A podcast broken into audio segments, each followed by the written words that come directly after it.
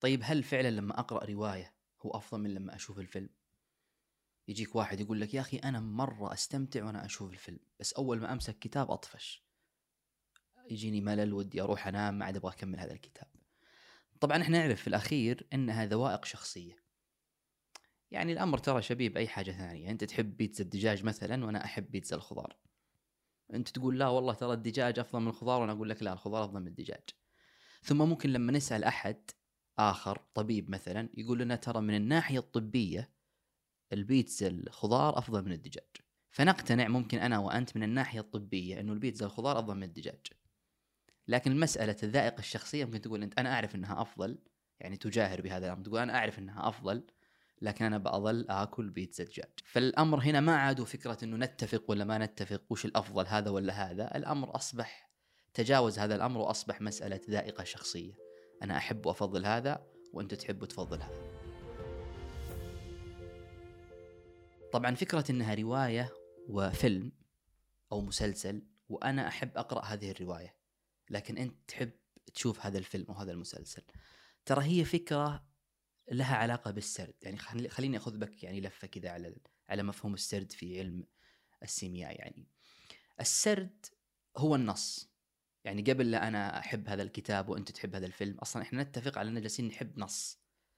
هذا النص بمفهومه الفضفاض الواسع يعني مو شرط نص مكتوب أحيانا يكون نص مرئي. لكن هذا النص ممنهج له قوالب ممنهجة اللي هو السرد. جعلت هذا النص في الأخير يكون إما مرئي نشوفه في التلفزيون يعني أو نشوفه على شاشة أو يكون مكتوب نقرأه في رواية. والسرد هذا النص هو مشتق أصلا من علوم اللغة. اللي مشتق منها علم السينما أو علم السيميائية السيميوتيك علم الرموز والدلالات هذا. فصرنا اليوم مثلا نقرأ مجازا لغويا تحليلات سيميائية تحليلات دلالية تحليلات في الرموز عن الوجه عن الجسد عن المشية عن الركض عن البكاء. يعني نقرأ تحليلات لهذا النص ليس المكتوب وإنما النص بمفهومه يعني اللي يكون أبعد من النص نفسه أبعد من الحروف. يعني مثلا أمامنا نص رجل يبكي أمامنا نص رجل يجري أو أمامنا نص امرأة حزينة وهكذا. والنص هذا أو السرد أو هذه الدلالة لازم تكون محسوسة أو واقعية أو متخيلة. فلما تكون في كتاب تكون مقروءة متخيلة. لما تكون في مشهد تكون مرئية. يعني فيها تشويق كيف هذا السرد أو هذا النص يكون ممثل في المشهد؟ بحركات هذا الممثل. تلقى بعض الممثلين مثلا يمثل لك دور كائن آخر. ممكن يمثل حتى دور حيوان. يستوحي حركة معينة ويمثلها. أو ربما يستوحي جماد. يأخذ كذا جسد شيء جامد ويمثله ويجعل هذا النص محسوس مرئي أمام عينيك في تمثيله لهذا المشهد. من الخصائص البارزة للنص. للسرد هذا وين ما كان سواء كان في رواية أو سواء كان في مشهد. في حاجتين لا يخرج عنها. الحاجة الأولى طبعا كلها مرتبطة بالوقت بالزمن. الحاجة الأولى هو وقت تقع فيه القصة اللي يقع فيه السرد وهو تسلسل زمني منطقي لأحداث هذا السرد اللي هو لأحداث هذا النص. اللي باللغة المفهومة البسيطة لإحداث هذه القصة. تسلسل زمني. مثلا أعطيك مثال. خلينا نفترض عندنا نص سواء مكتوب أو سواء مرئي. عندنا نص الآن. النص هذا يحكي قصة. القصة هذه تقول إنه والله ولد ولد في عائلة فقيرة ثم لما أصبح عمره ست سنوات انفصل أبوه عن أمه ثم بعدين راح عاش مع خاله ثم بعدين كبر ثم دخل المدرسة وتعرف على صحبة في المدرسة فاسدة ثم بعدين تخرج من المدرسة دخل الجامعة ثم قتل طالب في الجامعة ثم دخل السجن ثم توفى في السجن. فهذا وقت زمني تسلسل منطقي لأحداث القصة. الوقت الآخر أو الزمن الآخر اللي هو حديث هذه القصة بمعنى أنه مو بالضرورة تبدأ من أنه تسلسل منطقي لا. قد ممكن يبدأ النص السرد هذا سواء المشهد أو سواء هذه الرواية إنه هذا الولد كان ميت. ليش ميت؟ لأنه قتل واحد.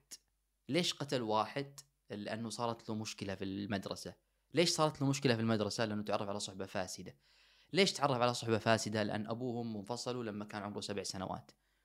ليش انفصلوا لما كان عمره سبع سنوات؟ لأن ولادته كانت مشاكل بين أبوهم وهكذا. فتعود بك القصة من آخر حديثها إلى أول آه، حديثها.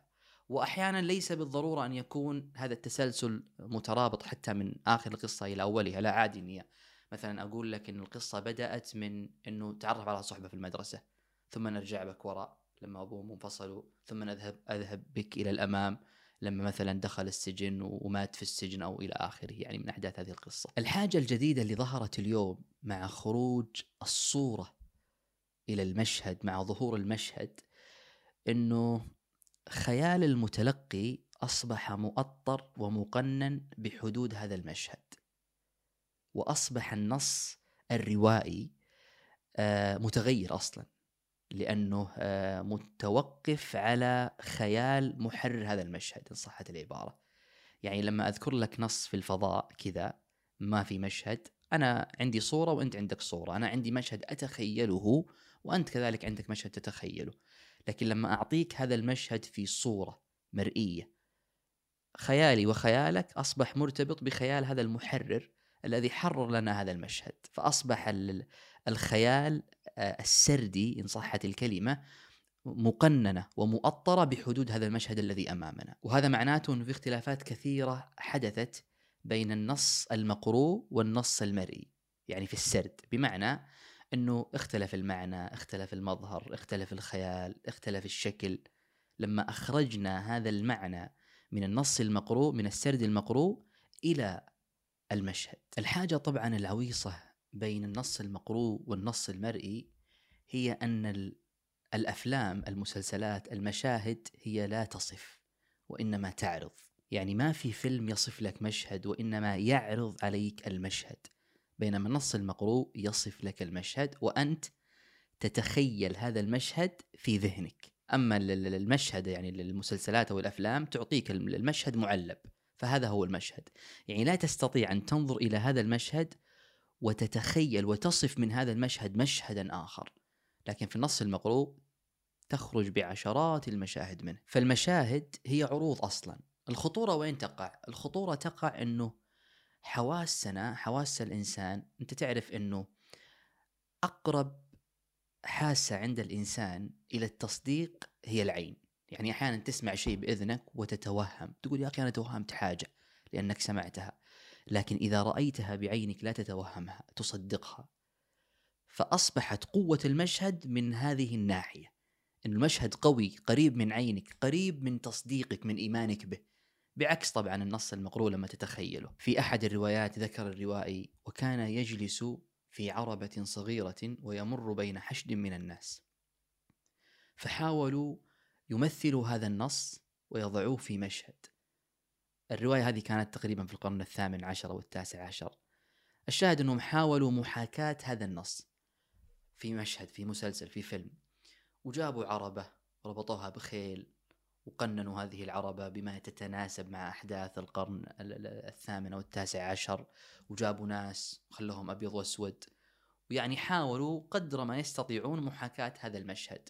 وأنت إذا تأملت في هذا المشهد وجدته يبتعد كل البعد ربما عن هذا النص والنص ليس فيه هذه الزوائد كلها التي يعني مقحمة حتى يعني يعطوا هذا المشهد شيئا من معنى هذا النص. طبعا لما نقرأ أنا وياك هذا الوصف هذه الجملة يعني في نص آه، تلقى عندي عربة خاصة وسيناريو خاص. بهذا الوصف الذي قرأته وأنت كذلك عندك وصف وتجد هذا المعنى الذهني آه، يعني كيف أقول لك؟ يتجسد أثناء قراءتنا.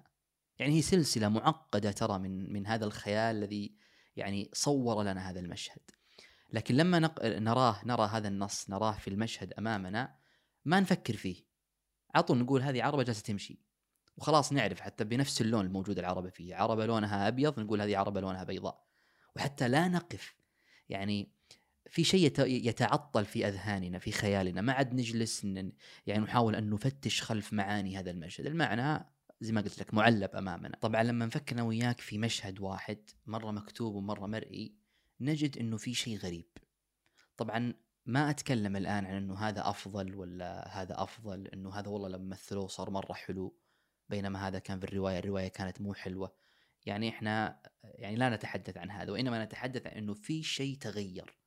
ربما آه، جملة وتفصيلا حين مثل هذا المشهد وضعوه في إطار وفي صورة تغير عن معناه الذي كان موجودا في النص والذي كنا ننظر إليه بخيالنا أصلا. بل حتى بعضهم ذهب إلى أنه هذا ما عاد أصبح أصلا نص سردي وإنما أصبح مثل الرسم. الحاجة العويصة أظنها أنه المشاهد ما تخلينا نتعمق ونستعمل خيالنا بمعنى أنه الأحداث تتحرك بسرعة. المعنى أصلا ليس في يدك المعنى مفروض عليك.